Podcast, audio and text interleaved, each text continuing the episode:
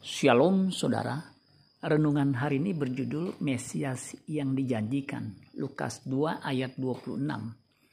Dan kepadanya telah dinyatakan oleh roh kudus bahwa ia tidak akan mati sebelum ia melihat Mesias, yaitu dia yang diurapi Tuhan.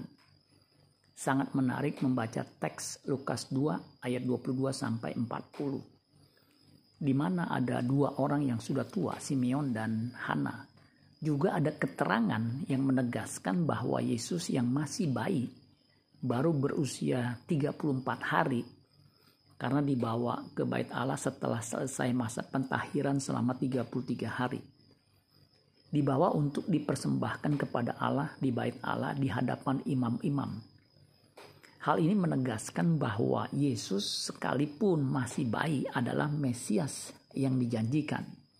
Simeon menegaskan bahwa apa yang dijanjikan oleh Roh Kudus kepadanya bahwa ia bahwa sebelum ia mati ia akan melihat Mesias tergenapi. Bayi Yesus yang baru berusia sebulan lebih dinyatakan oleh Simeon sebagai sang Mesias. Pesan teologis Lukas dalam narasi ini adalah menyatakan bahwa Yesus adalah Mesias sejak lahirnya, sejak inkarnasinya.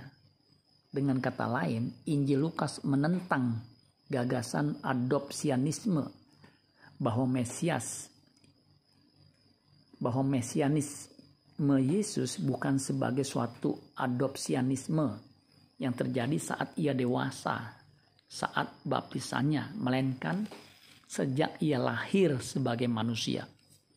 Mesianisme Yesus adalah inkarnasi Allah sehingga ia adalah Mesias sejak ia menjadi manusia, yaitu sejak lahir.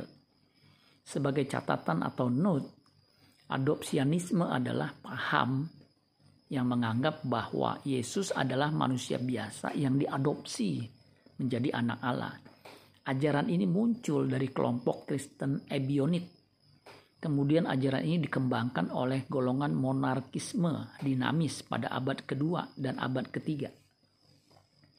Jadi Tuhan Yesus memang benar-benar Mesias yang telah dijanjikan Allah sejak Adam dan Hawa jatuh dalam dosa. Siapa saja yang percaya kepadanya sebagai Mesias akan diselamatkan. Jangan mati dulu sebelum Anda dan saya percaya kepadanya dan hidup berkenan kepadanya. Karena hanya mereka yang hidupnya berkenan kepada Bapa saja yang akan hidup kekal bersama Bapa di sorga. Amin buat firman Tuhan. Tuhan Yesus memberkati. Sola Gracia.